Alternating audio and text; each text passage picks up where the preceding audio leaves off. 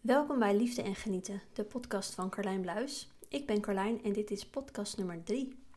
En vandaag wil ik het met je hebben over het uh, doormaken van een proces. En wat bedoel ik met een proces? Dat is zeg maar de groei of de ontwikkeling van een bepaal, op een bepaald vlak. Um, en ik wil graag een verhaal van mezelf uh, daarin delen om je een voorbeeld te geven van hoe dat in zijn werk kan gaan.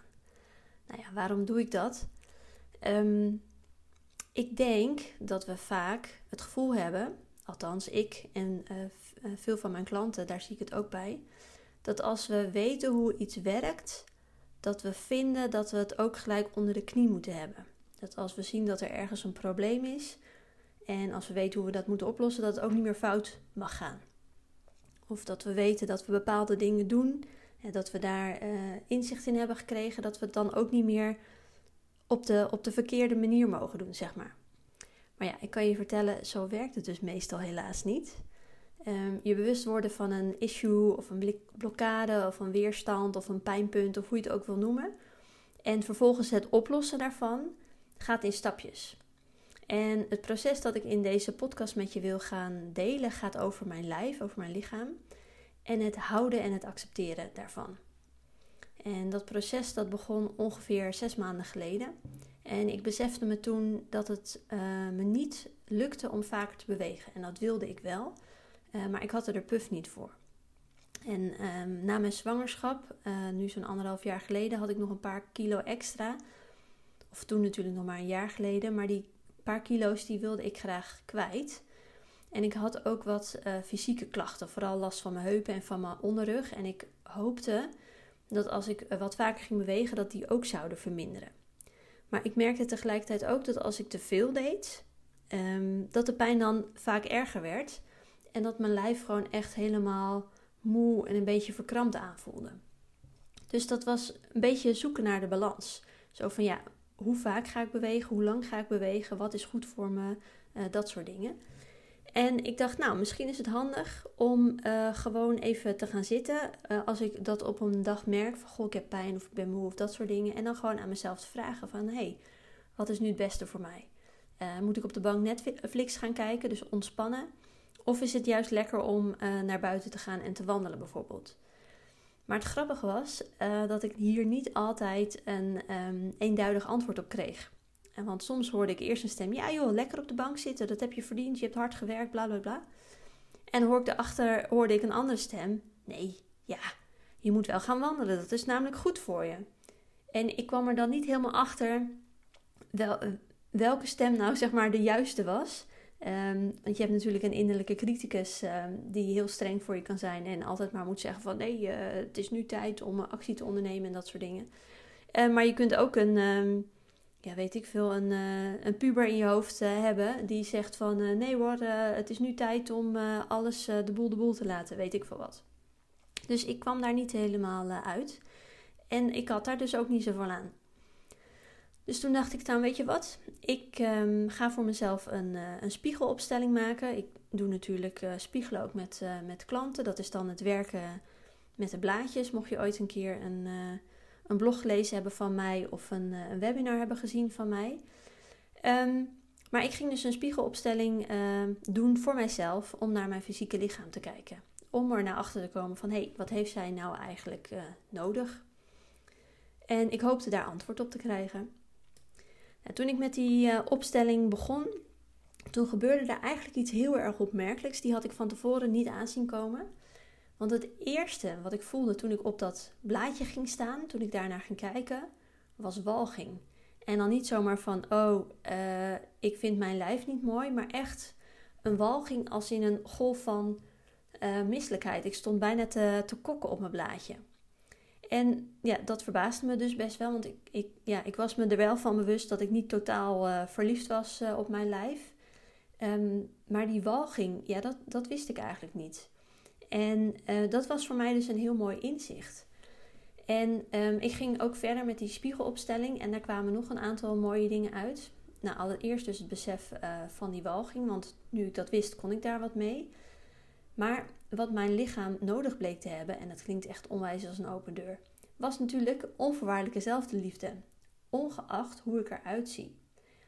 ehm, het is immers mijn eigen oordeel ehm, die mijn lichaam afkeurt. En uh, ik ga zo nog verder uh, nog iets met je delen. En dan zul je ook zien dat het vooral in mijn eigen hoofd zat.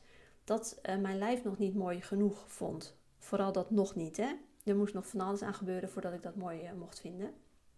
Maar wat zij dus nodig had was onvoorwaardelijke liefde. En dat betekende dan, um, ongeacht hoe je eruit ziet, kun je van je lijf houden. Um, ook kreeg ik, liet ze mij weten van, ik zal je helpen om jou te realiseren dat je al mooi bent, hoe mooi je bent. En ik ga je helpen dat te herinneren, te weten en vooral te voelen. Dus dat vond ik echt een hele gave. Het is een soort van, het klinkt altijd een beetje schizofreen, maar een samenwerking tussen, tussen jezelf en dat deel in jou, wat dan aandacht heeft, uh, nodig heeft, in dit geval mijn fysieke lichaam. Um, en ook zei zij van, ik zweer je dat je mooi bent, dat je prachtig bent. En dit is geen mooi praterij. Het is tijd om te zien. Um, het is tijd om zelf ook in te zien hoe mooi je bent. Ja, ik had deze even letterlijk opgeschreven uit mijn notitieboekje. Maar dat zei ze dus letterlijk. Je bent zo mooi en het wordt tijd dat je het zelf ook gaat zien. Dus dat vond ik um, ja, de drie belangrijkste dingen daar uit die uh, spiegelsessie. Um, al had ik hem nog een vierde, want het laatste wat ik er ook nog uithaalde was een soort van communicatiemiddel met mijn lichaam. En uh, wat ik met haar heb afgesproken, ik heb ja, als een soort van uh, pendel kan ik nu vragen aan haar stellen en dan geeft ze me antwoord. En dat werkt voor mij heel simpel. Ik stel een ja of nee vraag.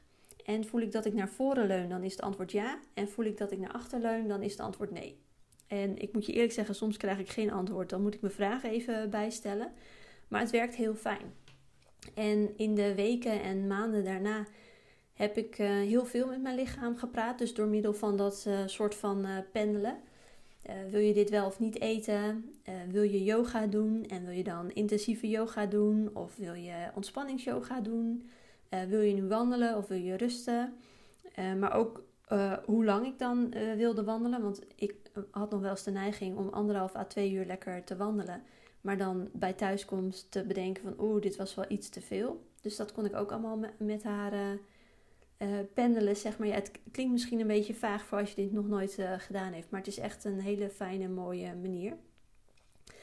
En um, na die sessie met mezelf besloot ik ook van oké, wat kan ik dan doen om van mijn lichaam te gaan houden? Want die walging, dat weet ik nu, dat ik dat heb. Maar uh, wat, hoe kan ik dat om gaan buigen? En toen dacht ik van weet je wat, ik ga een fotoshoot van mezelf laten maken. En uh, dat ga ik doen om mijn lichaam te vieren, om haar te eren. Um, dat lijkt mij een hele mooie manier. En nou ja, zonder haast ging ik toen op zoek naar een uh. En uh, die ik uiteindelijk vond, daar vertel ik je zo meer over. Maar dit was dus het eerste deel van mijn proces. Ik besefte me dat ik beter voor mijn lijf wilde zorgen. maar ik wist ook dat um, meer bewegen en meer doen niet altijd per se het beste was. Um, vanuit die spiegelopstelling kwam ik er dus achter dat ik uh, walgde van mijn lijf. En dat klinkt misschien heftig. Maar in werkelijkheid was het eigenlijk gewoon een hele mooi inzicht, een hele mooie boodschap uh, voor mij. Want ik kon daar wat mee. Dus bijvoorbeeld besluiten dat ik het anders ga doen. En dus onder andere door die fotoshoot van mezelf en dan vooral van mijn lichaam uh, te laten maken.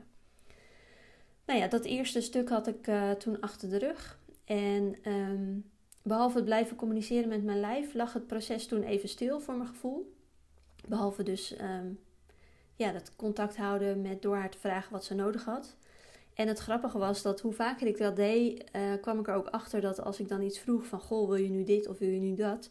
En als ze dan nee zei, dan was er nog wel eens een, een ander deel in mij dat dacht, ja, maar ik heb daar nu toch ook wel heel veel zin in of heel veel trek in. En dan vroeg ik aan haar van, um, mag, vind je het goed als ik dat alsnog doe? En dan was eigenlijk altijd het antwoord, jawel hoor. Dus uh, misschien, dat, bijvoorbeeld van, uh, wil je nu chocolade? Dan zei ze van, nee, chocolade is nu niet het, eh, het beste voor jou. Maar dan dacht ik, oh, heb ik toch wel echt trek in. En dan had ik de keuze om het alsnog te doen.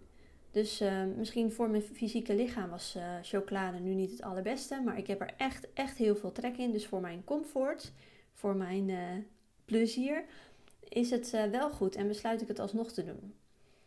En ehm, ja, ik kreeg dus altijd op die vraag van, goh, vind je het goed, ondanks dat je nee zegt, dat ik het alsnog doe? Dan kreeg ik altijd het antwoord ja. Dus dat was ook leuk om daar weer ehm, mee te spelen. Vooral ook omdat um, nou, ik heel erg de neiging heb om dingen dan uh, gelijk ook perfect uh, te willen doen. Dus als ik dan besloten heb, ik ga naar mijn lichaam luisteren, dan moet ik ook echt wel daadwerkelijk luisteren. Als zij nee zegt, dan moet ik het dan ook niet echt, eh, echt niet doen. En hiermee leerde ik ook dat ik um, ook daar gewoon mee, uh, mee mocht spelen. Dat ik het niet zo rigide hoefde te gebruiken als, als het zou kunnen. En het viel me in die periode ook op dat er bepaalde dingen waren waarvan mijn hoofd dacht van ja nee dat is sowieso niet goed voor je. En dan vroeg ik aan haar van goh, um, bijvoorbeeld van wil je nu chips? En dan kreeg ik als antwoord ja. En dan dacht ik, oh, dat is interessant, want ja, chips is natuurlijk niet het allerbeste voedsel wat je kunt krijgen. Maar later realiseerde ik me, ja, misschien had ze wel uh, zout, oftewel uh, mineralen nodig. En was dat voor haar dus wel op dat moment goed. Dus ik zag ook in dat wat ik met mijn hoofd bedacht, niet altijd het juiste, of het, het antwoord was wat mijn lichaam zou geven. Dus dat was ook leuk om te ontdekken. Maar goed, terwijl ik daarmee aan het communiceren en aan het uitproberen en aan het uh, ja, spelen was, kwam uh, de tweede fase. En die kwam eigenlijk vanzelf. Ik hoefde er niet zoveel te doen. Want ik was natuurlijk een beetje half-half op zoek naar een fotograaf die uh, mooie foto's van mij uh, zou kunnen maken. Maar ja, waar ga je op zoeken? er zijn zoveel fotografen en ja, ik wist eigenlijk ook nog niet precies wat ik zocht. Ik had wel een vriendin die had ook foto's van haar laten maken. En die zijn echt prachtig. En ik dacht van, oh, ik vraag uh, aan haar welke fotograaf uh, ze had gebruikt. Maar toen dacht ik ook van, ja, die foto's zijn voor haar heel mooi.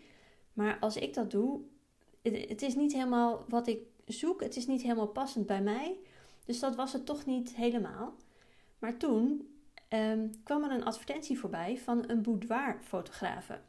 Um, mocht je nou denken, uh, wat is? Ja, ik had er ook nog nooit van gehoord, maar het is echt een ding boudoir uh, fotoshoot.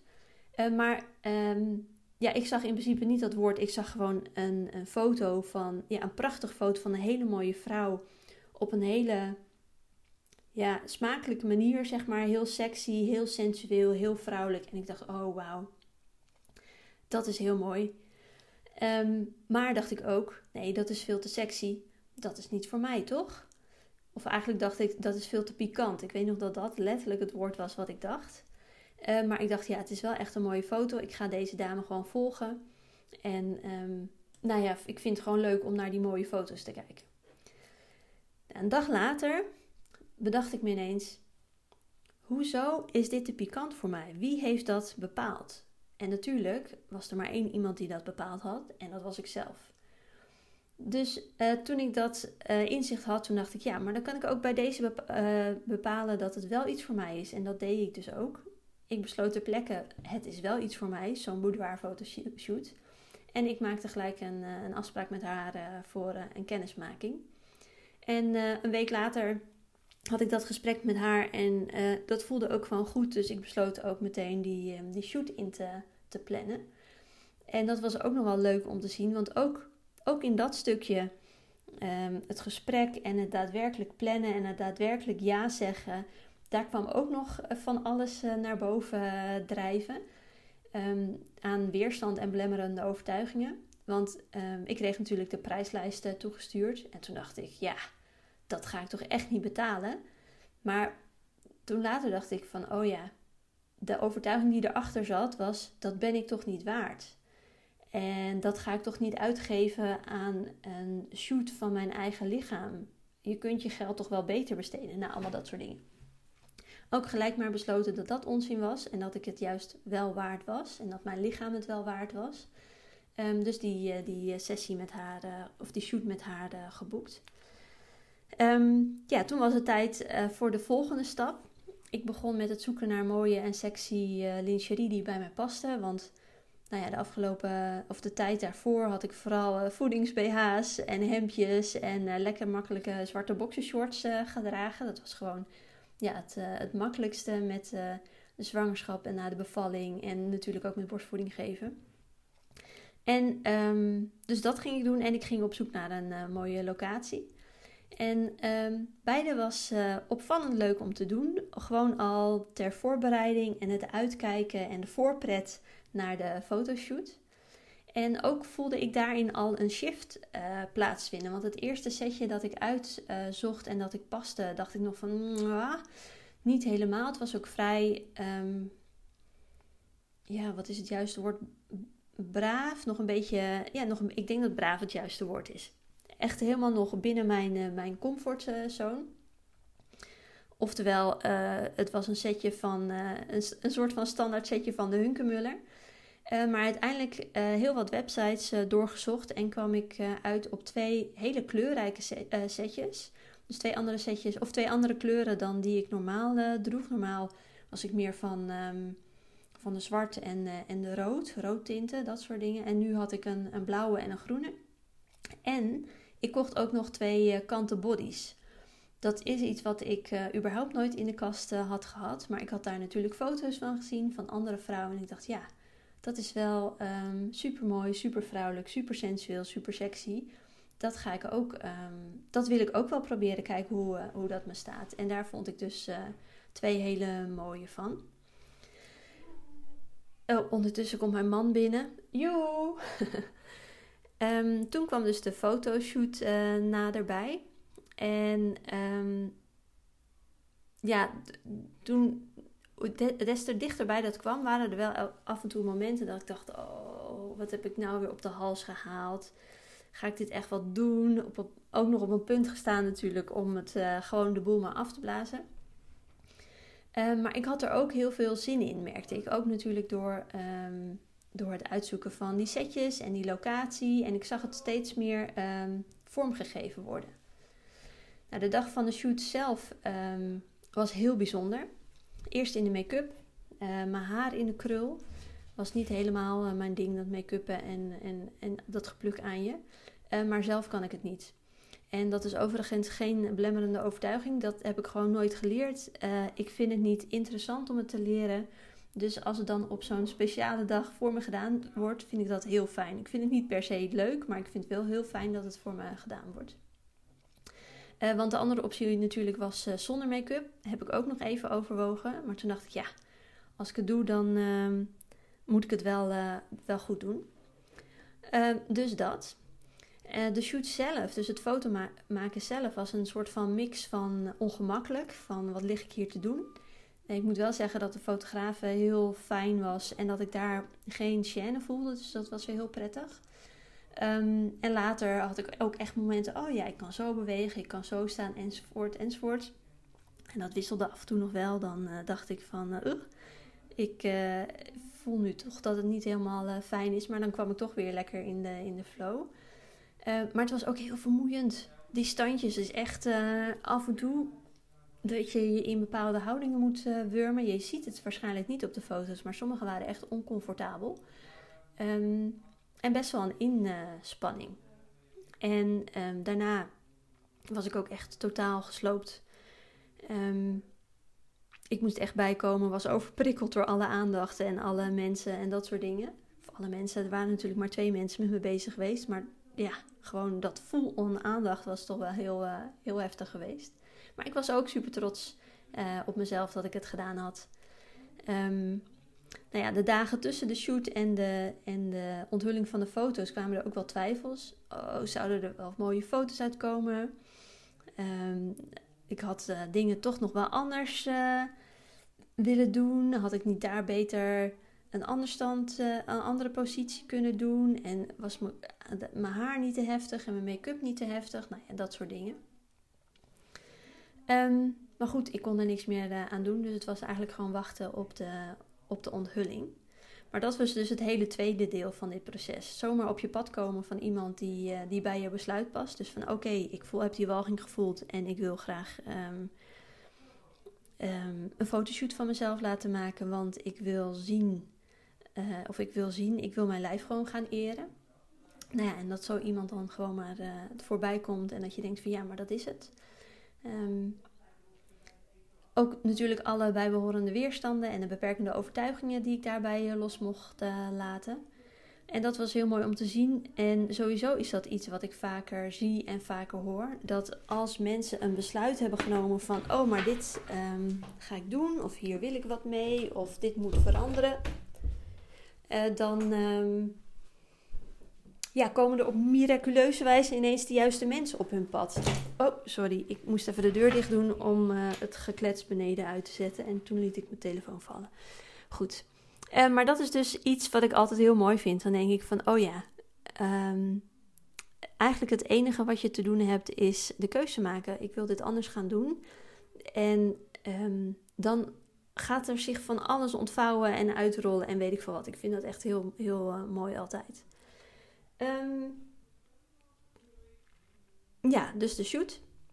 Dus na de shoot had ik in principe verder niks uh, in de planning staan om verder mee aan de slag uh, te gaan. Um, met betrekking tot het gevoel van, van walging over um, mijn lichaam. Maar, want dat was natuurlijk de reden dat ik hiermee begonnen was. Dat ik, nou ja, die merkte dat ik wat anders wilde. Dat ik beter naar mijn lijf wilde luisteren, enzovoort, enzovoort. Maar er kwam onverwachts toch nog een, eh, een andere laag eh, naar boven. En uh, wat wel heel erg mooi was, dat kwam vanuit het collectieve gebeuren. Want je hebt het vast niet kunnen missen. Het nieuws van de mannen van The Voice die deelnemsters seksueel geïntimideerd en zelfs misbruik hadden. En ik weet nog dat ik dat voor het eerst hoorde en dacht: Marco Borsato en Ali B, serieus?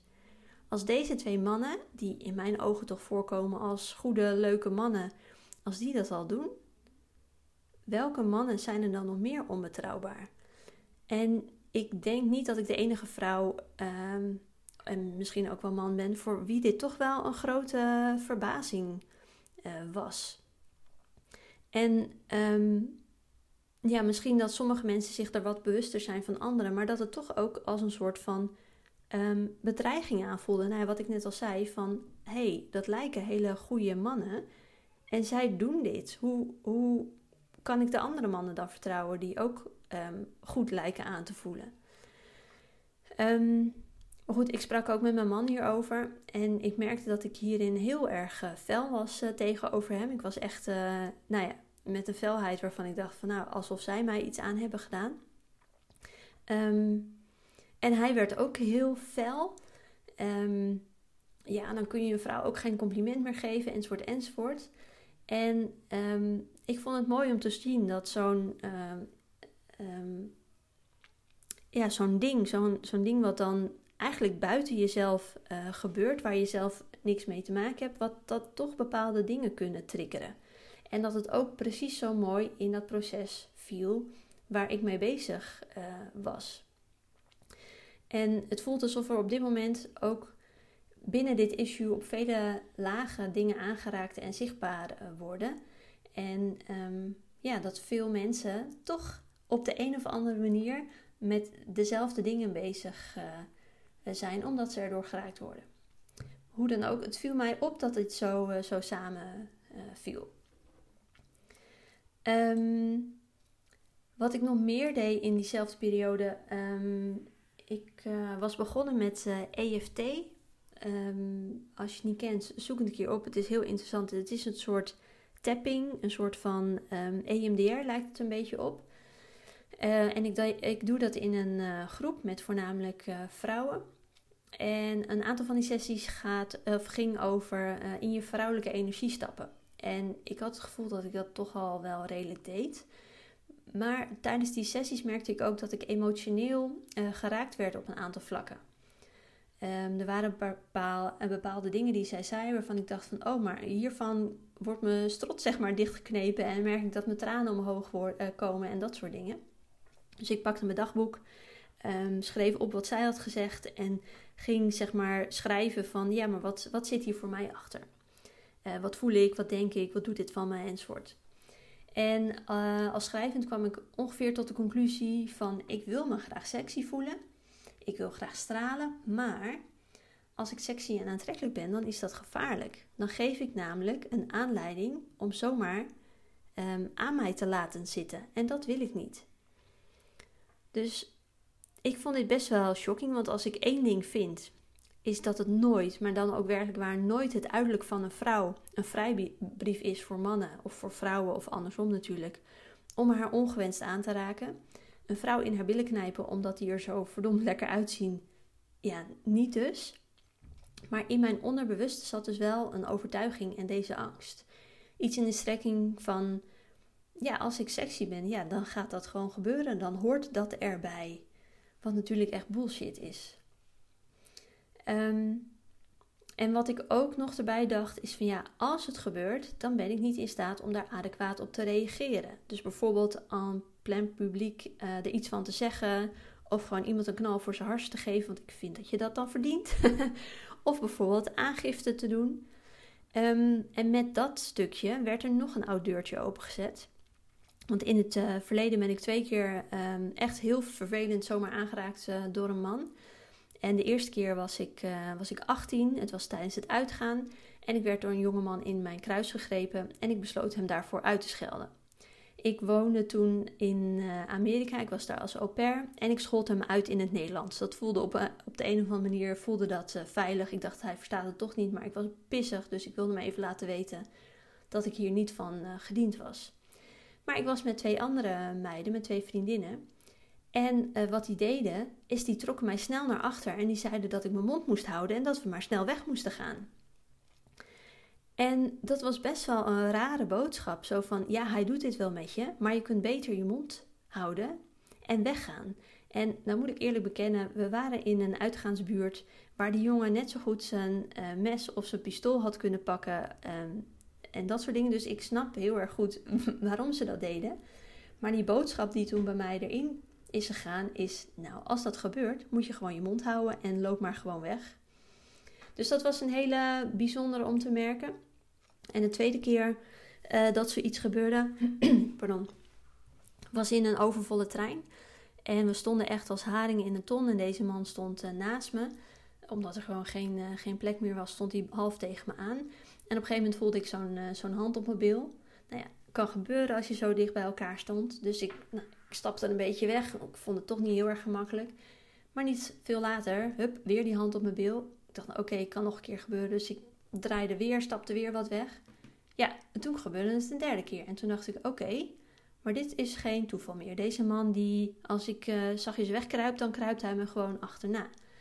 En um, nou ja, ik werd er best wel eh, zenuwachtig van. Moet je nagaan, hè? Want ik stond dus in een volle, volle trein.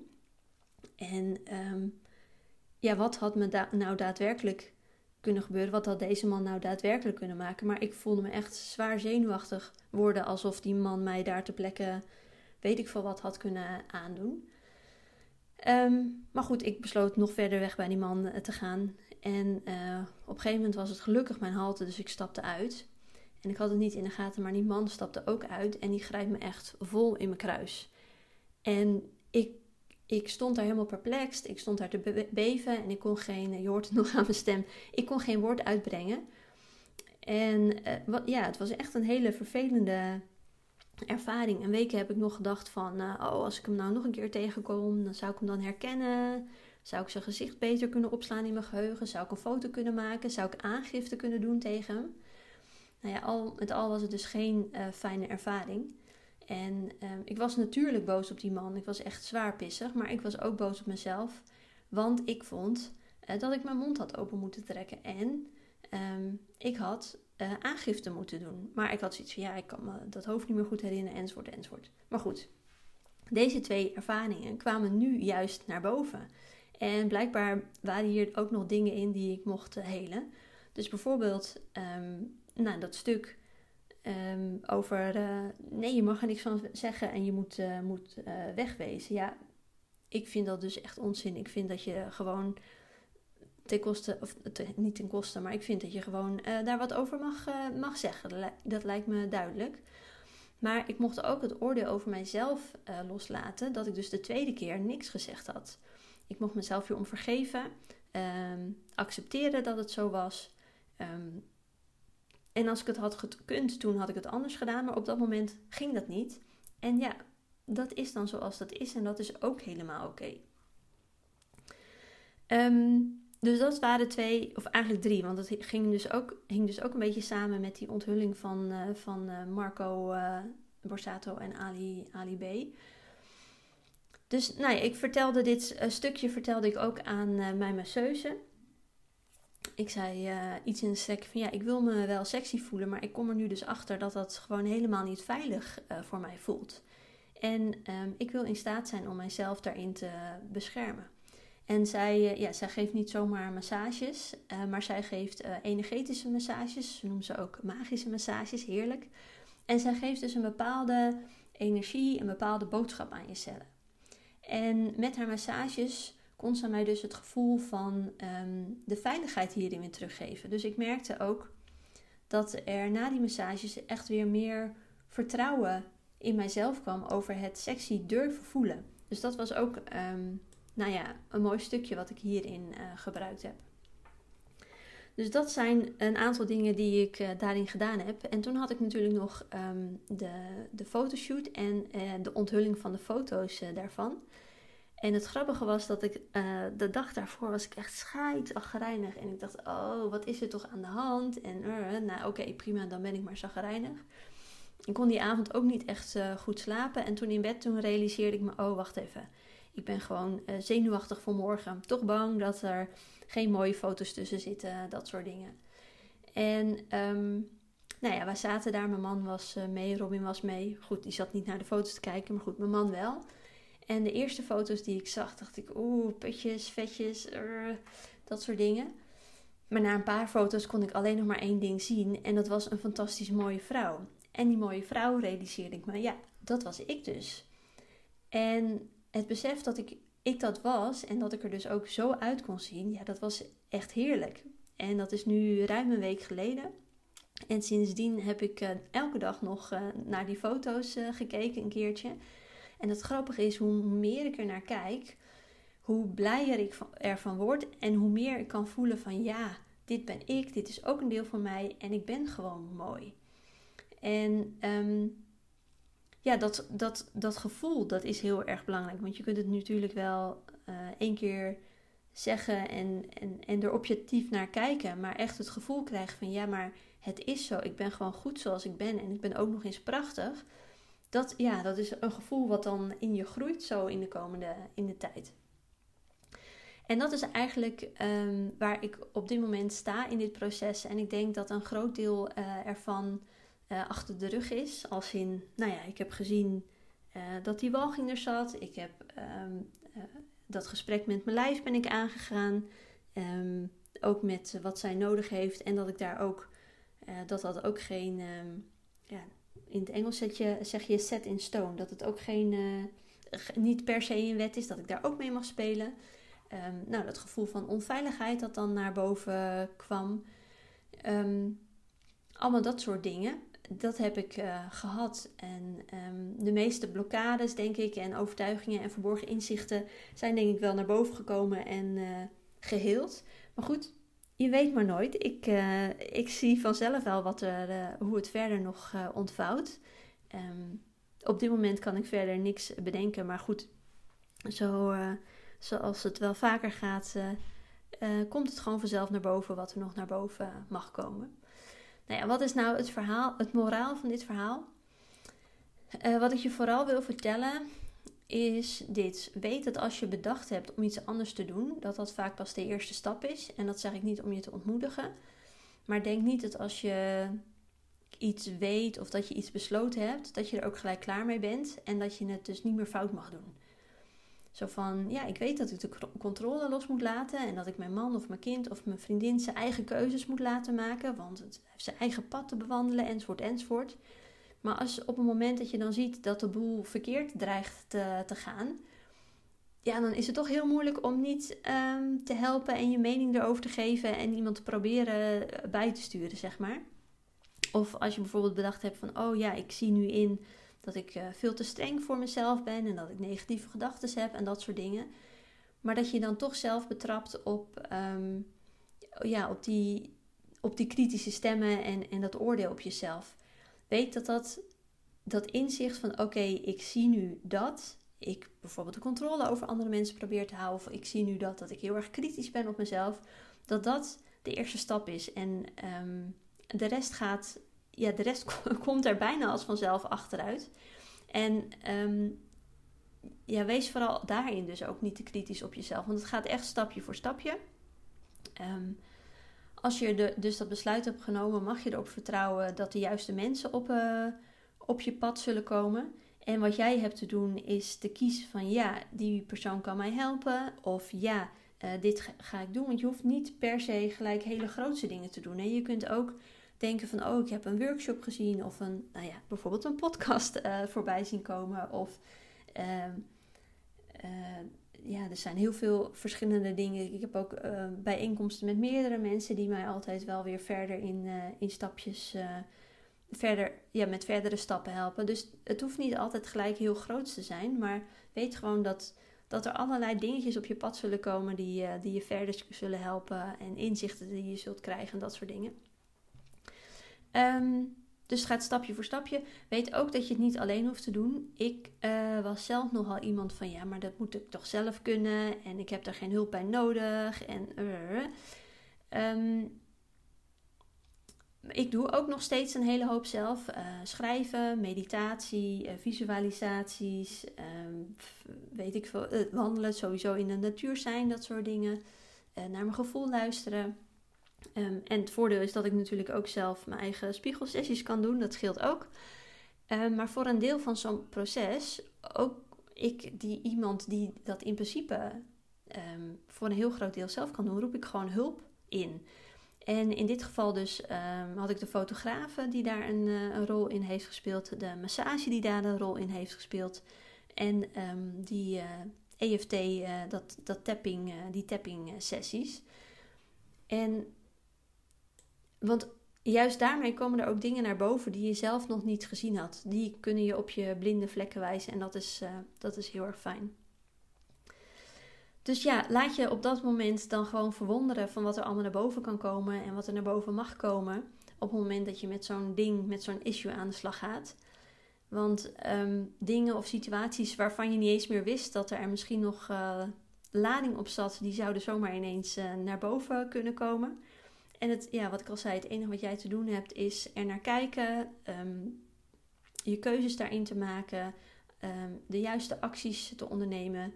En daar, de acties klinkt altijd een beetje uh, ja, mannelijk, zeg maar. Heel erg uh, in de doen, doen, doen. Maar met acties bedoel ik ook uh, rust nemen, mediteren, schrijven. dat soort dingen. En inderdaad eventueel hulp erbij. En dat soort dingen. Dus dat is wat ik met deze podcast vandaag met je, met je wilde delen. Ik hoop dat het um, je geïnspireerd heeft. En dat je misschien wat moed he hebt kunnen vinden hierin om ook iets ja, waar je zelf tegenaan loopt, om daar eens naar te durven te kijken. En uh, mocht je zoiets hebben van, nou, ik ben wel eens benieuwd waarin jij me verder kunt, kunt helpen. En um, of ik daar misschien de juiste persoon in ben. Dan kijk dan gerust een keertje op mijn website www.carlijnbluis.com. En je moet maar even naar de naam van mijn podcast kijken hoe je mijn naam precies spelt. Want het gaat nog wel eens mis. En je kunt me ook een berichtje sturen of een mailtje sturen op carlijnapenstaartje carlijnbluis.com of een berichtje als je me volgt via Instagram of Facebook of dat soort dingen. En dan, wie weet, kan ik jou een stapje verder helpen in, uh, in jouw proces om de boel daar uh, aan te zwengelen. Dit was hem voor vandaag. Ik wens je nog een hele fijne dag en wie weet, tot gauw. Doei doeg!